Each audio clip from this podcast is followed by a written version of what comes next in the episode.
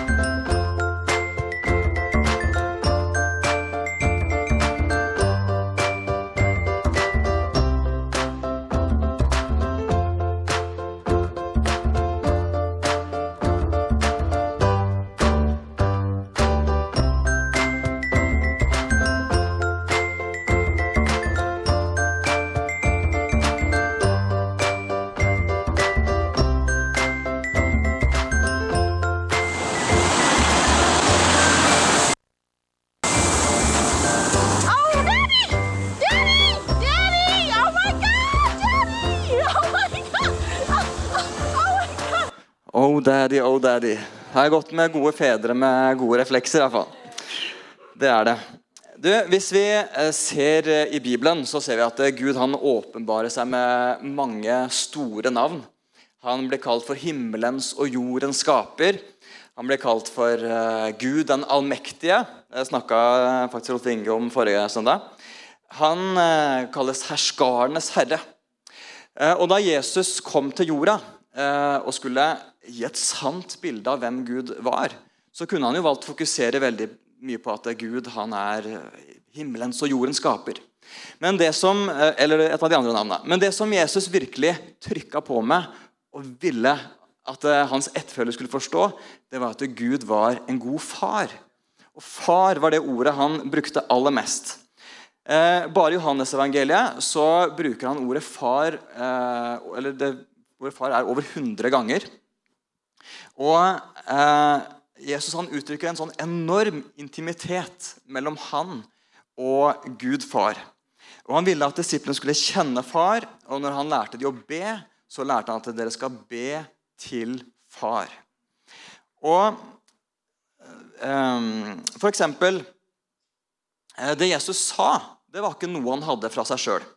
skal få opp første bibelvers her nå. I Johannes 12 står det For jeg har ikke talt ut fra meg selv, men far som har sendt meg, han har gitt meg befaling om hva jeg skal si og tale. Og det Jesus gjorde, det var heller ikke noe han eh, fant på sjøl, men det var ting han hadde lært av sin far. I Johannes 5 så sier han Jesus tok til orde og sa til dem.: Sannelig, sannelig, jeg sier dere, sønn kan ikke gjøre noe av seg selv, men bare det han ser sin far gjøre. Det far gjør, det gjør også sønnen. Og til og med når Jesus skulle vise hvor høyt han elska eh, disiplene sine, så brukte han liksom fars kjærlighet for å liksom illustrere for dem hvor høyt han elska dem. Han sa i Johannes 15.: eh, Som far har elsket meg, har jeg elsket dere. Jesus han vil at du også skal kjenne Gud som far. Men så vet jeg at for noen så kan det her, eh, tanken om Gud som far kan jo være litt trøblete for noen også. Fordi at Hvis du har kanskje et dårlig, eller dårlige erfaringer med din egen jordiske far, så kan det iblant påvirke det bildet man har av Gud også. Kanskje har du hatt en far som har vært veldig streng, kanskje mye sint eh, eller veldig sånn uforutsigbar. Eller kanskje til og med hadde du en far som var voldelig. Eller kanskje hadde du en far som valgte å forlate familien bryte opp familien og ikke var en del av eh, oppveksten din. Eller kanskje hadde du en far som var til stede fysisk, men som ikke var påkobla ditt liv i det hele tatt og egentlig ikke viste interesse for deg. Og Hvis vi har med oss de erfaringene, da, så kan det være når vi skal tenke på Gud som en far, så kommer de assosiasjonene her. Så blir det liksom litt vanskelig det å tenke at Gud er en god far. For man vet ikke helt hva en god far er. Eh, Men likevel så var det nettopp som en god far at Jesus ønska at du skulle kjenne Gud. Så jeg ønsker eh, i dag å prøve å forklare litt av hva, det, hva, som ligger i det å være en god far. Og det er fire ting jeg vil eh, se på. En god far gir bekreftelse. En god far forsørger. En god far beskytter. Og en god far elsker betingelsesløst. Men før jeg dykker ned i det, så skal vi ta oss og be litt sammen. Eh, deg, gode far, fordi at eh, Jesus ga oss et sant bilde av hvem du er. Og takk fordi at du ønsker at vi skal kjenne deg som far. Og jeg ber om at du Hellige Ånd skal komme og gjøre det levende for oss nå i kveld.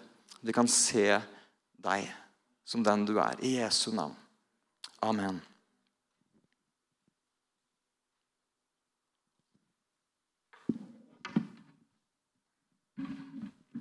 Sånn. Har litt mer plass her.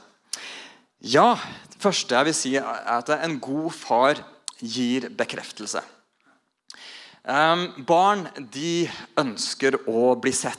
og for eksempel, eh, Hvis du har barn, så har de sikkert opplevd at de kommer hjem med en tegning eller noe de har lagd i, barnehagen.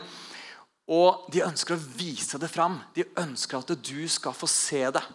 Eh, og, og de, de, ønsker å ta del, at du skal ta del i den opplevelsen. Og kanskje ønsker at du skal si 'Å, så fint du har tegna.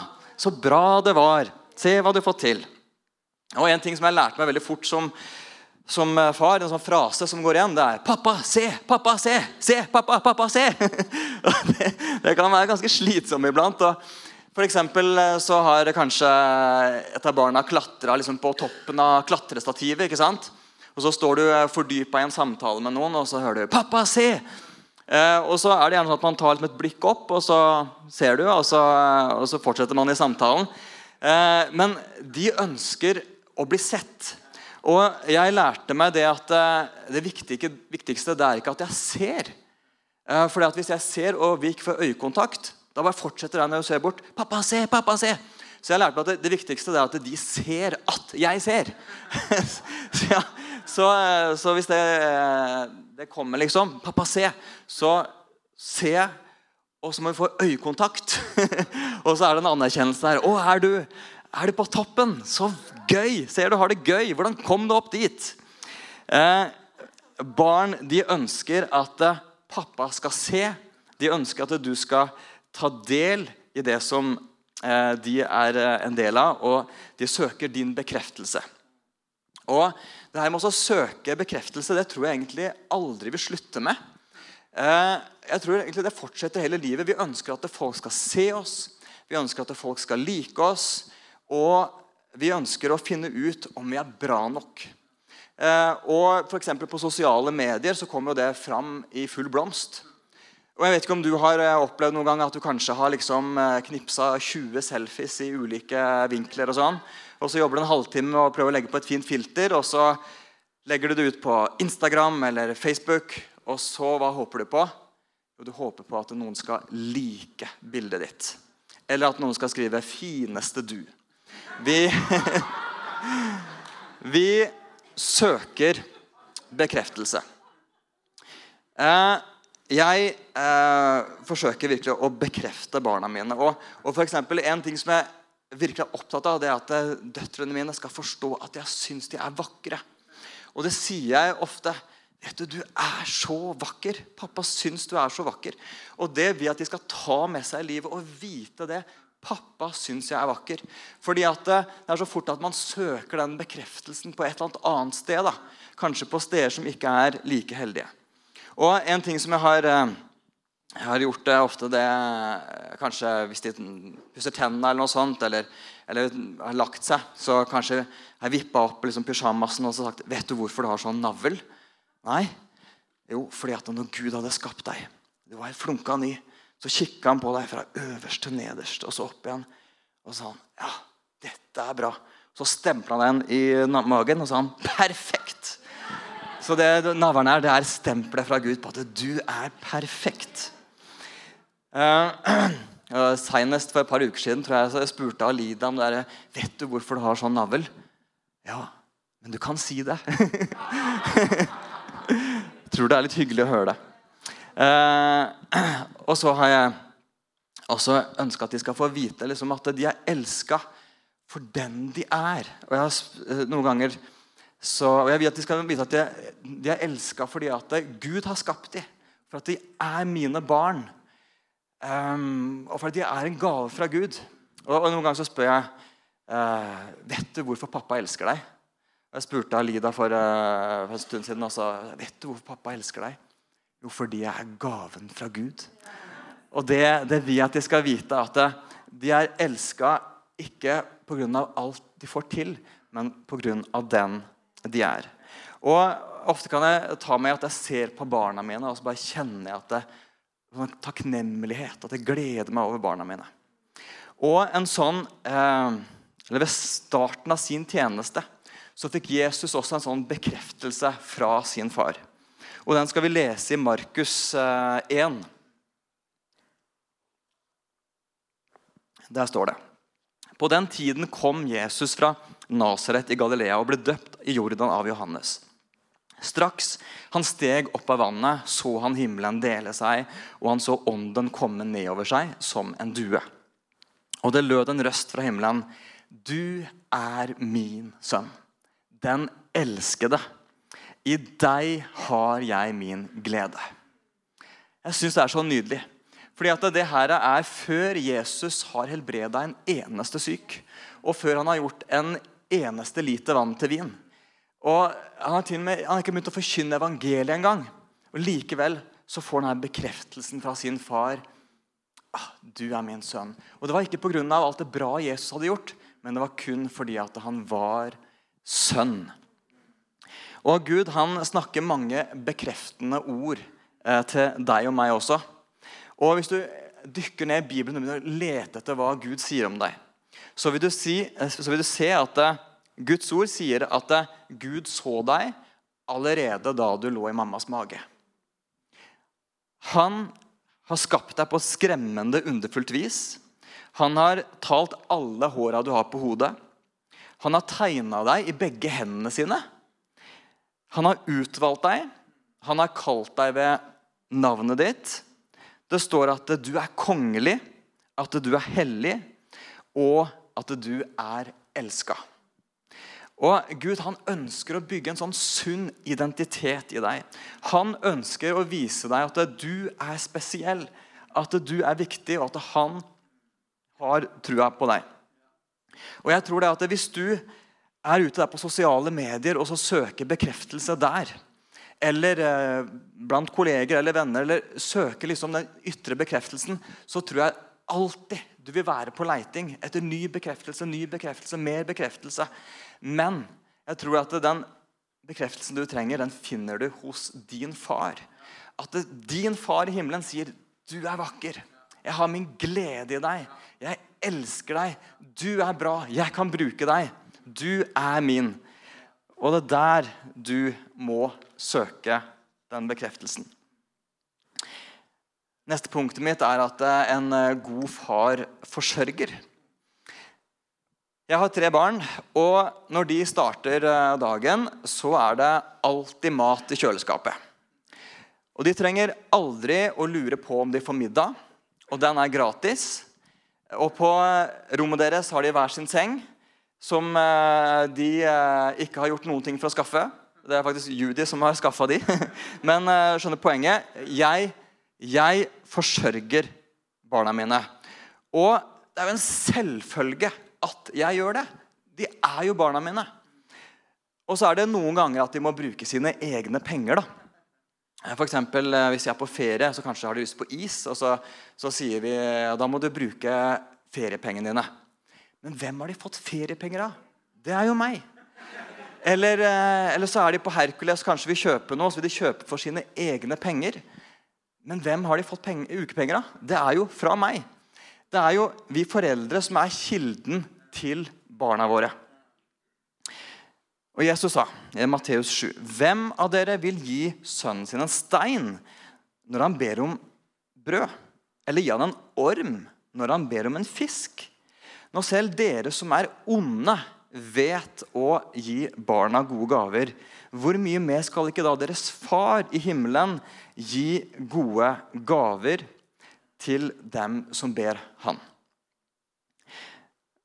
Når Jesus skal forklare hvordan Gud selvsagt vil gi gode gaver til oss, så bruker han bildet med hvordan vi ufullkomne fedre vil gi gode gaver. Og nå høres det rart ut når han sier 'dere som er onde', men det han mener er jo tenker jeg, at vi har en fallen natur. Altså Vi, vi jordiske fedre vi har evnen til det gode, men vi har også evne til det onde. Altså Vi er, vi er feilbarlige.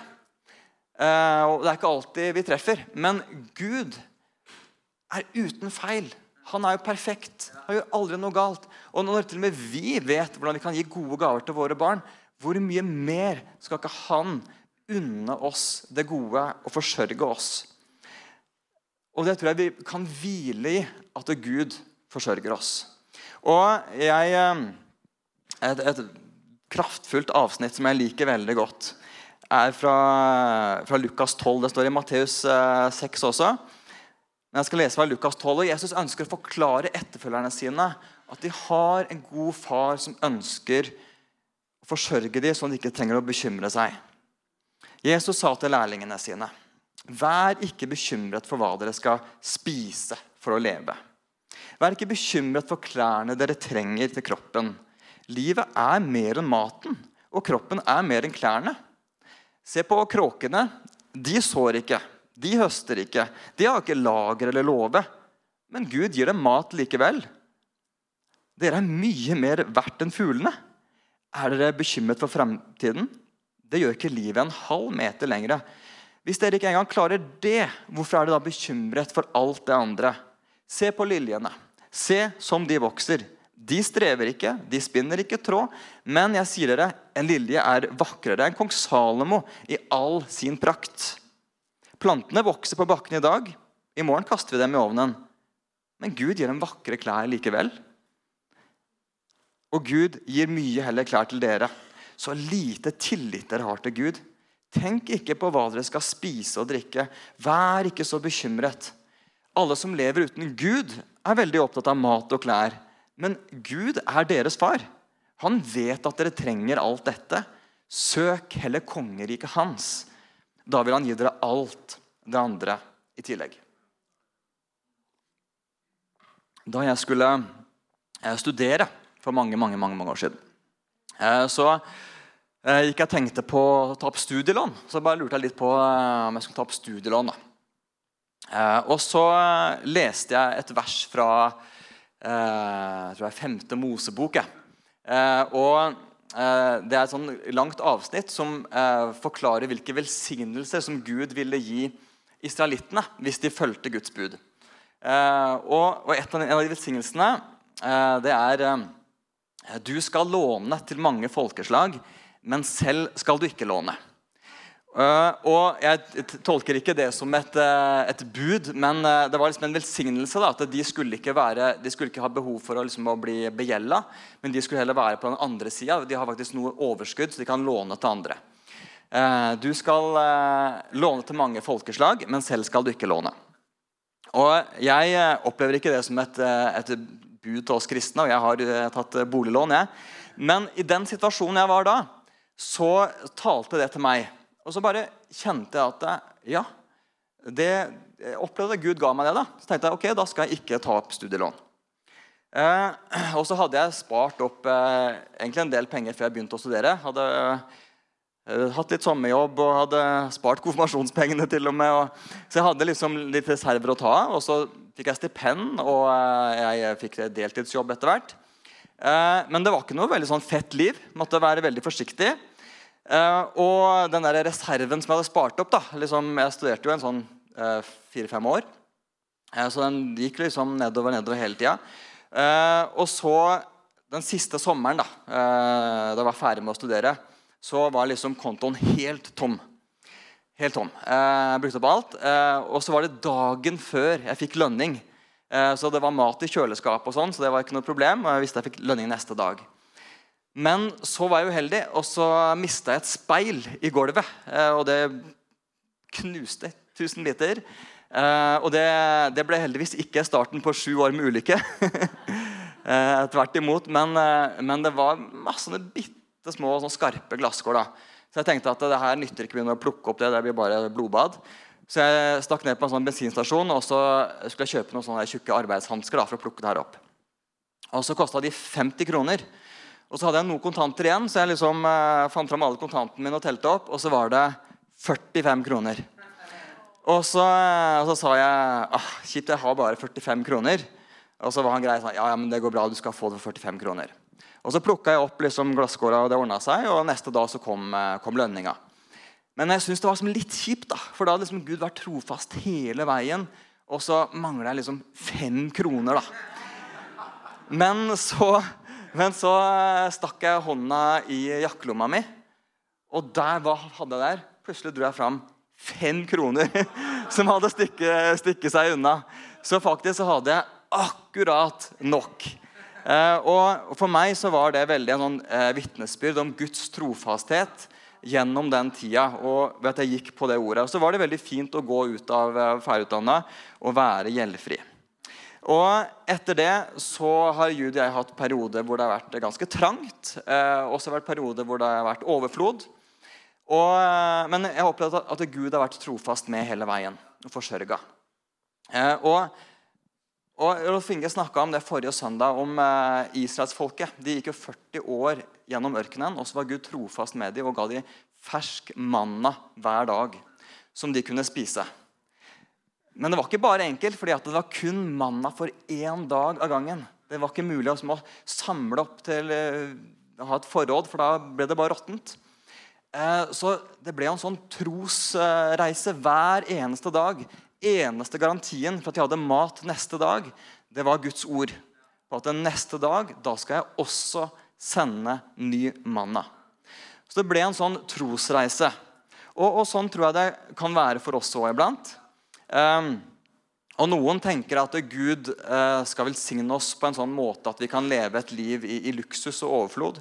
Og Jeg har ikke fasiten på, på, det og hvordan vi skal forstå Bibelen. Men jeg tenker i alle fall at Gud ønsker å, å forsørge oss på en sånn måte at vi har noe å gi til andre. At det er overflod på den måten at det kan, kan renne fra oss til andre. Det tror jeg er et viktig prinsipp i Guds rike. Og så tror jeg det er en sammenheng mellom hva man sår, og hva man høster. Hva man gir, og hva man får. Men jeg tror Gud ønsker, i alle fall, ønsker å, å forsørge oss med det vi trenger. Selv om vi ikke alltid får kanskje det vi har lyst på. Og Sånn er det med mine barn også. Jeg passer på at de har det de trenger, men ikke alt de har lyst på. Og Iblant så er vi uenige om hva de trenger, og hva de bare har lyst på. Uh, nå har uh, IMF, uh, pengefondet, de har varsla usikre økonomiske tider framover. At de forventer resesjon, økonomisk tilbakegang. Og Jeg vet ikke hvordan strømprisene kommer til å bli i vinter, og hvordan matvareprisene vil liksom utvikle seg, og hvordan renta vil utvikle seg. Men det som jeg vet, det er at eh, jeg har en god far. Det vet jeg, som ønsker å gi meg gode gaver. Og som ikke vil at jeg skal bekymre meg for mat og klær. Og da kjenner jeg at jeg kan få hvile i det. Og det kan du også få lov til å gjøre. Du har en god far som ønsker å forsørge deg.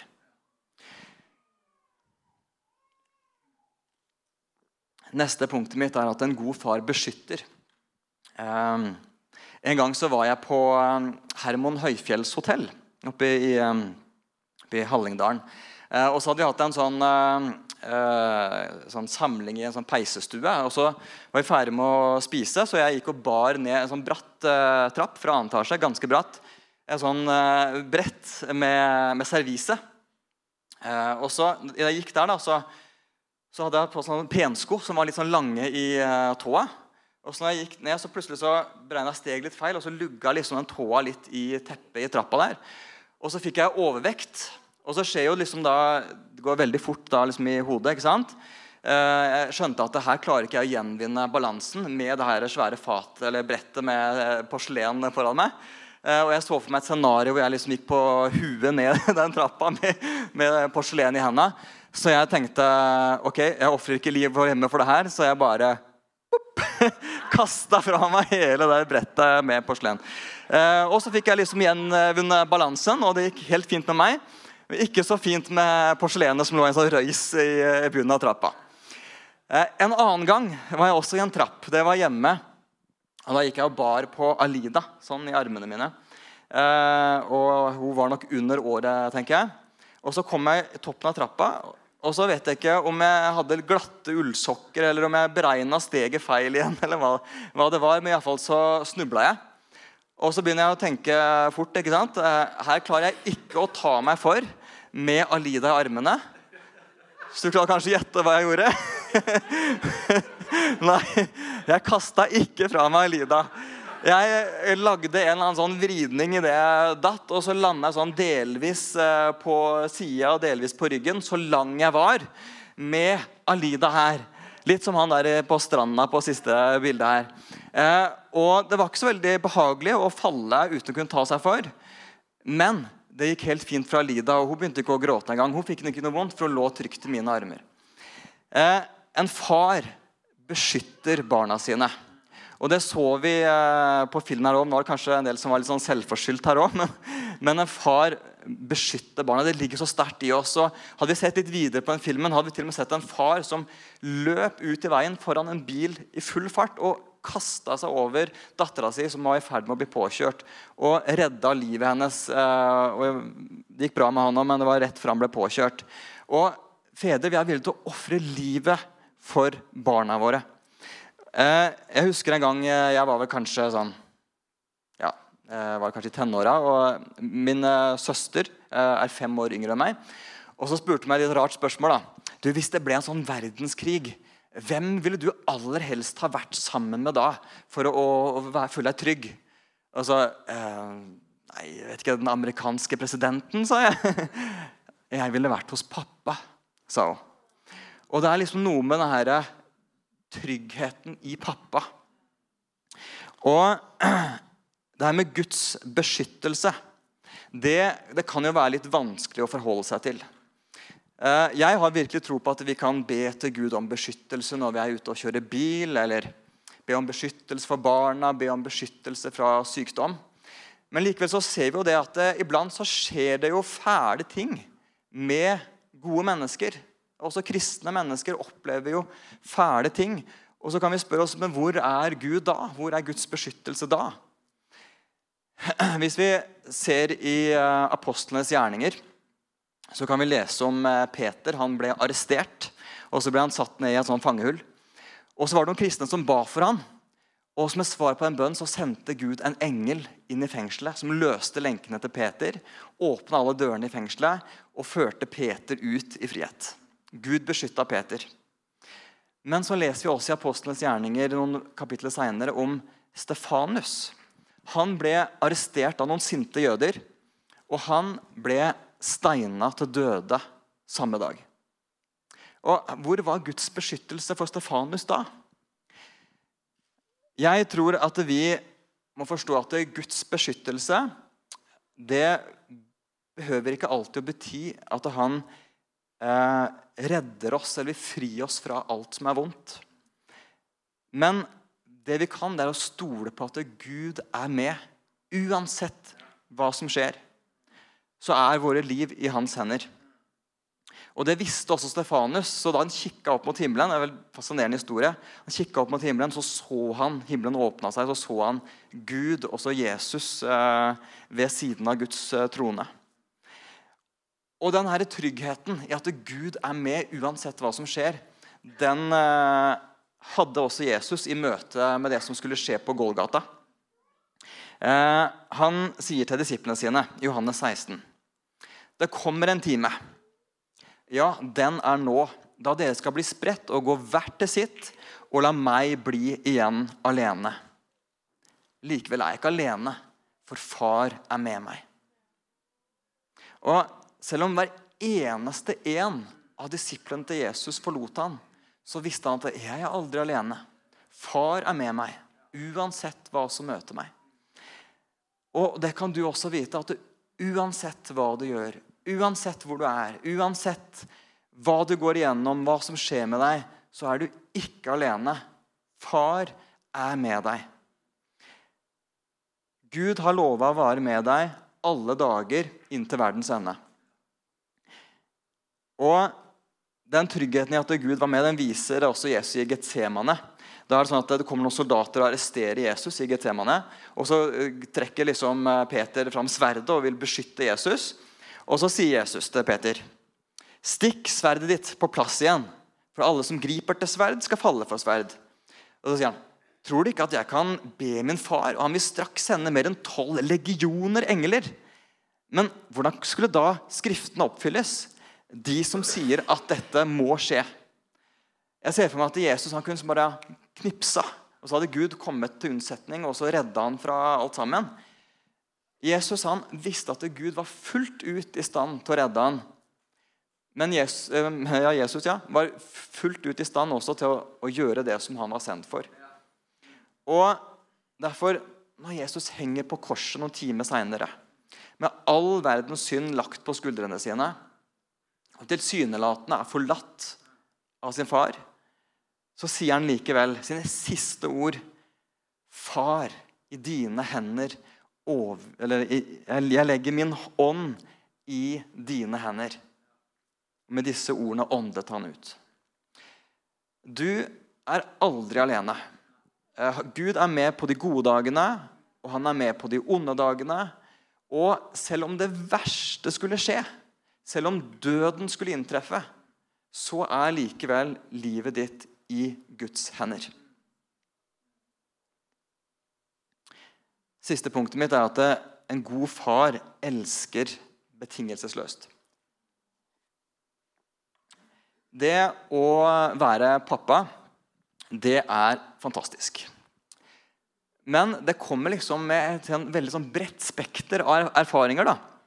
Og nå har jeg vært pappa i eh, litt over eh, 14 år, eh, og barna mine begynner å bli ganske store. Men sånn opp igjennom da, så har jeg måttet skifta bleiene deres, jeg har tørka liksom, oppkast over hele gulvet. Jeg har stått opp om natta for å gi sutt og hente vann og trøste og kjøre til legevakta. Barna har ødelagt tingene mine, de har krangla, de har ødelagt husfreden. De har lagt beslag på egentida mi. De har vært utakknemlige, de har vært ulydige, de har grisa ned hele huset. Jeg husker en gang eh, det, Da det var mindre, så var det liksom alltid veldig skittent på kjøkkengulvet. Eh, og det er det egentlig fremdeles, men, men det, da var det ekstra skittent. Uh, og så tenkte jeg nå skal jeg virkelig ta grep. Nå skal jeg gjøre sånn at uh, Når de spiser kveldsmat, så skal jeg liksom ta og moppe over uh, gulvet. Så er det liksom i hvert fall fint til, til liksom jeg har fått lagt ungene. Da det er liksom fint når kvelden starter. og så En gang så sto jeg liksom der og så moppa over gulvet, og så, og så plutselig så snur meg, så sitter liksom et av barna på en sånn Ikea-stol og kaster mat på gulvet. Ett år gammel eller noe sånt. da og jeg tenker, Da, da er det liksom, da seiler du i motvind. altså. Det var ikke reint i ett minutt engang. Så begynner de å grise ned igjen. Men vet du, det har aldri skjedd etter en dag hvor det har vært liksom mye gris og liksom krangling og konsekvenser og alt som har vært. Det har aldri skjedd at jeg har lagt barna om kvelden og så har jeg sagt vet du hva, nå rant begeret over i dag. Dette ble for mye. Nå elsker ikke pappa deg lenger. Det har aldri skjedd. For ingenting av det som skjer, det rokker ved min kjærlighet til de. De er jo fortsatt barna mine. Og det vil de alltid være. Og jeg vil alltid elske de. Og på samme måte så elsker Gud deg også. Ikke fordi du er så fortreffelig og gjør alt så bra og får alt til så, så rett, men fordi du er barna hans. Og I Romerne 5,8 så skriver Paulus at Gud viser sin kjærlighet til oss ved at Kristus døde for oss mens vi ennå var syndere.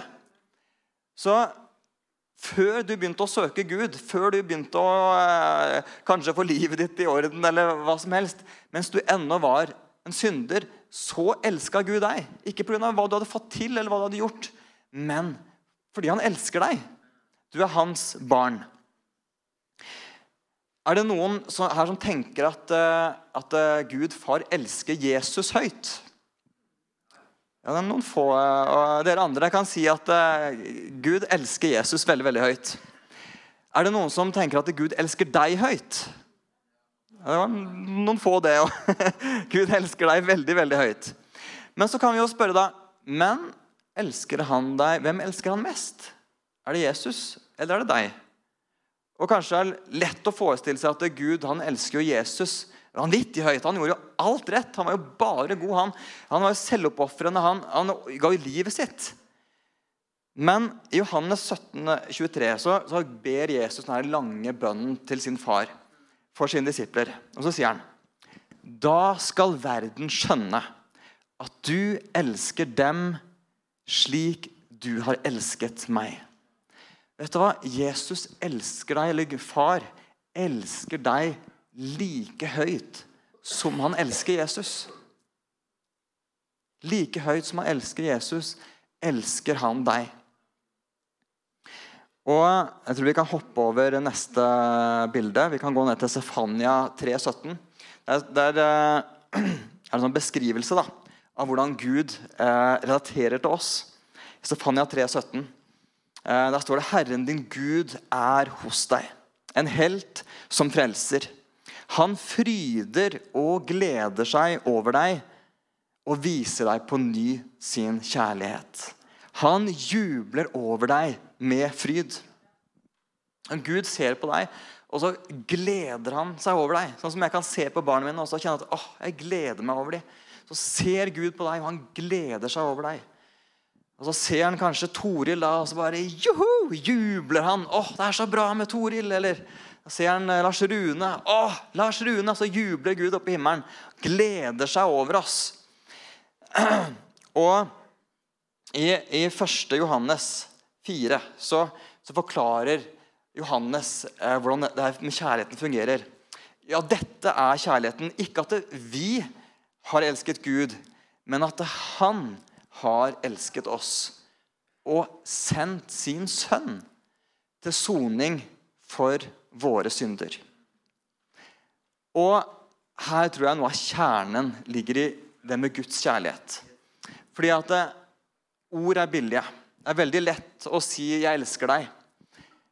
Men jeg tror at kjærlighet det er så utrolig mye mer enn tomme ord. Og det er så utrolig mye mer enn en subjektiv følelse. Men ekte kjærlighet det vises i hvor mye du er villig til å ofre.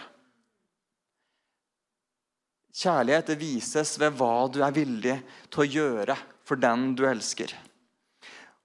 Og når, når Bibelen skal forklare hvor stor Guds kjærlighet til deg er, så får vi dette verset i Johannes 3, 16. For så høyt har Gud elsket verden, at han ga sin sønn, den enbårne, for at hver den som tror på Han, ikke skal gå fortapt, men ha evig liv. Guds kjærlighet til deg den er så stor at uh, ingen pris var for høy. Ingenting var for mye. Han var villig til å gi sin eneste sønn for å redde deg. Sånn at uh, ved å tro på han, så kan du komme inn i Guds familie og regnes som Guds barn. Så høyt er Guds kjærlighet til deg. Jeg starta med det her at uh, vi har ulike erfaringer med våre jordiske fedre. Jeg vet ikke hvilken erfaring du har, og, og, og hvilke assosiasjoner du sitter med. Men jeg vet at du har, hvis du har tatt imot Jesus, så har du en himmelsk far som sier til deg Du er min elskede sønn. Eller Du er min elskede datter. Deg har jeg min glede. Og du har en god far som forsørger deg, som du kan hvile i at han har kontrollen. Du har en god far som beskytter deg, og uansett hva som skjer, så er du i hans hender. Og du har en god far som elsker deg betingelsesløst. Ikke pga. hva du har fått til, men fordi at du er du, og du er hans barn. Derfor er Gud en god far som du kan, du kan bare la garden falle, og så kan du overgi deg til Gud. Og eh, vi sang her i stad 'Vi løfter våre hender'. Eller vi bør løfte våre hender. Og her på Arena så er det jo mange som løfter hendene sine i lovsangen. Og det blir på en måte en sånn fysisk bindeledd mellom deg og Gud.